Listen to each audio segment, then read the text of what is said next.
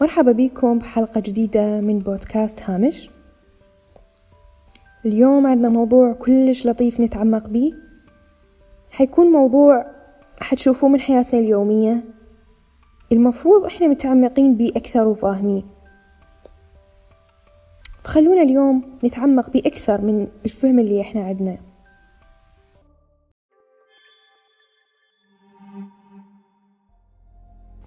موضوع التظاهر بالقوة. أكو هواي ناس تعبت وقاموا يحسون لدرجة إنه أرواحهم صارت باهتة.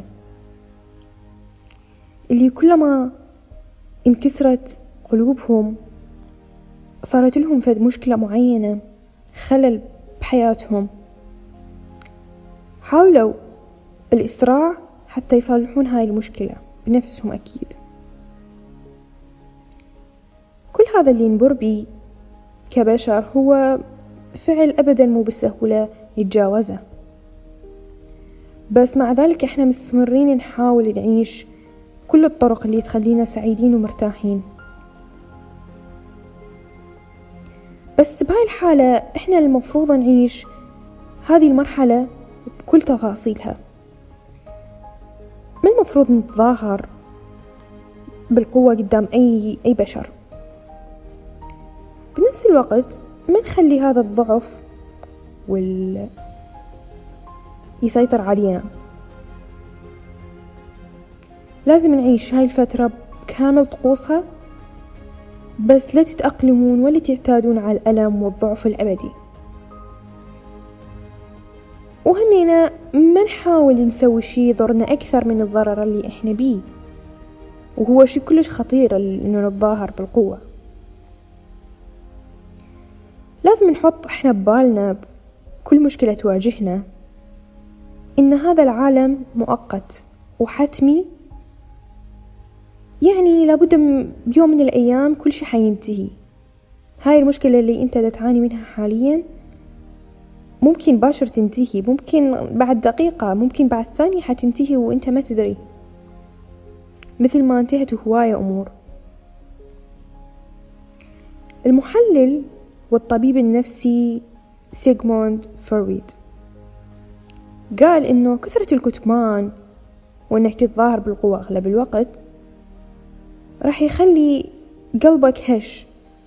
يعني شنو؟ يعني تبكي من أتفه الأسباب. الإنسان ما المفروض يمنع نفسه من البكي لأنه هاي الفكرة السطحية تعودنا عليها بمجتمعاتنا العربية. بين الأجيال إن الرجل لمن يبكي راح يكون شي كلش عيب و... وشلون يبكي هو قوي. كأنهم احتكروا البكاء بس للجنس اللطيف. جردوا البشر من هاي المشاعر الطبيعية اللي يمر بيها بلحظات وإنما هي مشاعر حقيقية وطبيعية لازم نعيشها. موجودة بأي مخلوق بشري على هذا الكوكب. لذلك أنت لما تبكي أنت تستجيب لمشاعرك الإنسانية المختلفة اللي تمر بيها من مواقف تحزن أو تتألم أو تفرح حتى بيها. طبعا أكو جانب إيجابي للبكاء. دائما إحنا نسمع ناس تقول إنه لما بكيت أحس فتشين زاح مني. يعني البكاء يخفف من الألم النفسي والجسدي.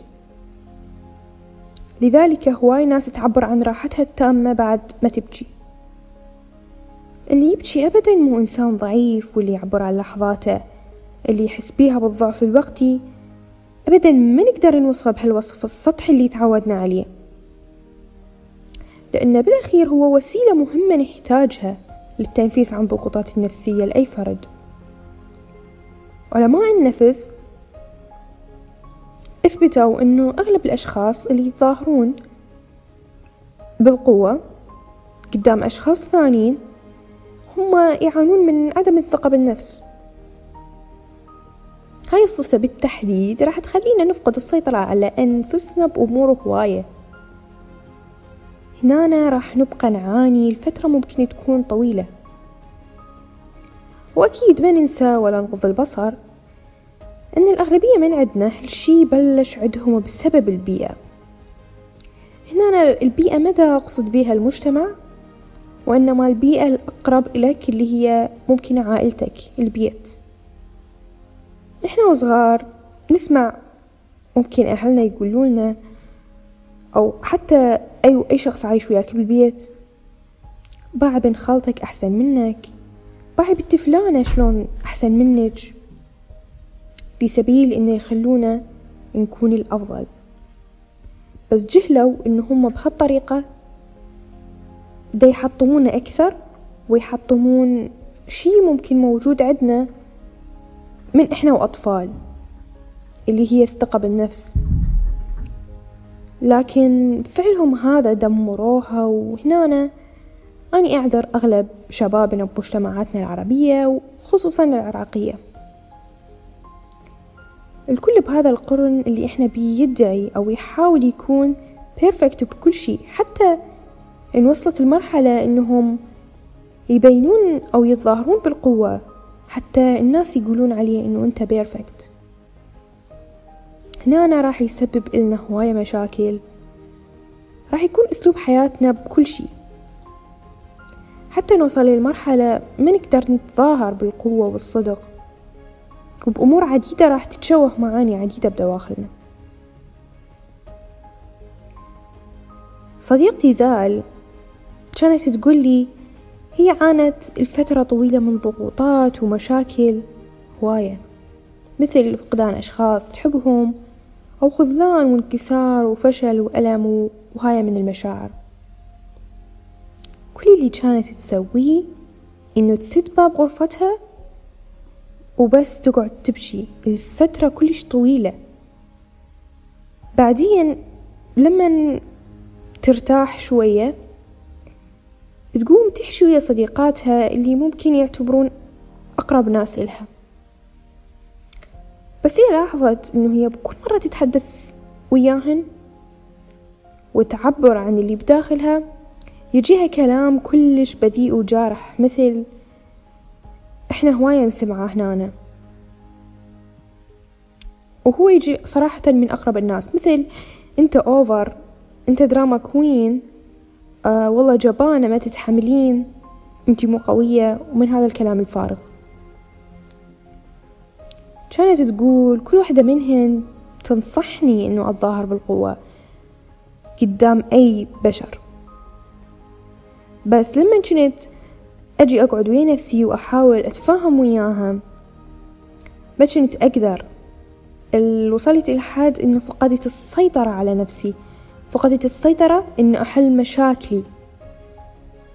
وبعدين بالنهاية حاولت أنهي حياتي بس للأسف ما نجحت بهذا الشي حاولت زال تتصالح ويا نفسها أكثر تفهمها شنو تريد شنو تحب شنو ما تحب.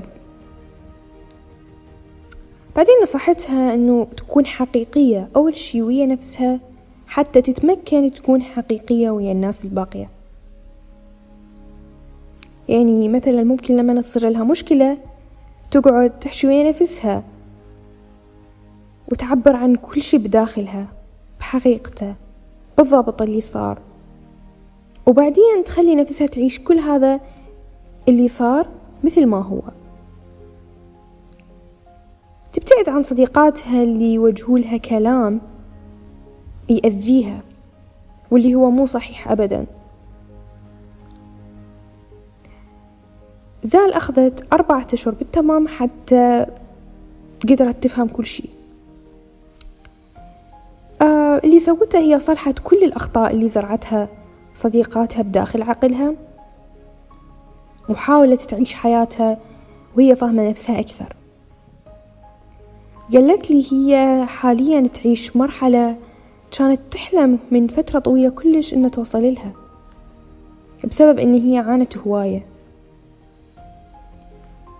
كانت تقولي إنه هي تعيش حياة مستقرة حاليا وتحس لأول مرة هي فعلا امرأة قوية وحقيقية أمام نفسها أول شي وبعدين قدام الناس. أوبرا وينفري مقدمة برامج حوارية عالمية مهمة. قالت أنت ما حتقدر تسيطر على نفسك قبل ما تفهم نفسك روحانيا. وهذا اللي صار ويا زال بالتحديد. حتى نبطل نتظاهر بالقوة على مود نبين perfect قدام الناس. الخطوة الأولى إنه نبطل نهتم لكل شي تقوله الناس. مهما كانت صلة القرابة بيننا وبينهم نبطل ناخذ آرائهم اللي هي مرات تكون كلش مضرة إلنا خصوصا بحالات نكون تعبانين بيها. نبطل نهتم ونتأثر بمواقع التواصل والصفحات اللي تشجع على إنه أنت لازم تبقى أربعة وعشرين ساعة سعيد وما يأثر بيك أي شي آه ومن هذا الكلام. نبطل نتعامل ويا الموضوع على إنه هو مشكلة أو عيب لما تعبر عن مشاعرك.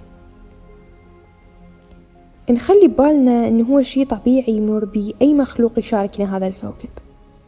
وكل شي بالنهاية قلنا إلا فترة ويعدي. علماء النفس هواية وغلبهم نصحونا إنه الأشخاص اللي يحجون عن مشاكلهم وسلبياتهم قدام الناس أو أمام الأشخاص المقربين على الأقل إلهم هم يقدرون يتخلصون من المشكلة اللي يمرون بيها بوقت هواية أسرع من اللي ما يحجون أو يتظاهرون بالقوة. طبعا هاي الحالة مرتبطة بالتداوي بالكتابة اللي تحدثنا بيها بأحد حلقاتنا السابقة. أكيد الكتابة لها تأثير هواية على هاي الحالة لكن هي بالضبط ما تساعدنا حتى نتجاوز الموضوع ولا نحل المشكلة بسهولة لأنه راح تبقى جزء شخصي بيننا وبين الأوراق بس اللي كتبنا عليها مشاعرنا وفضفضنا إلها. وإحنا نعيش هاي الحالة والمشكلة.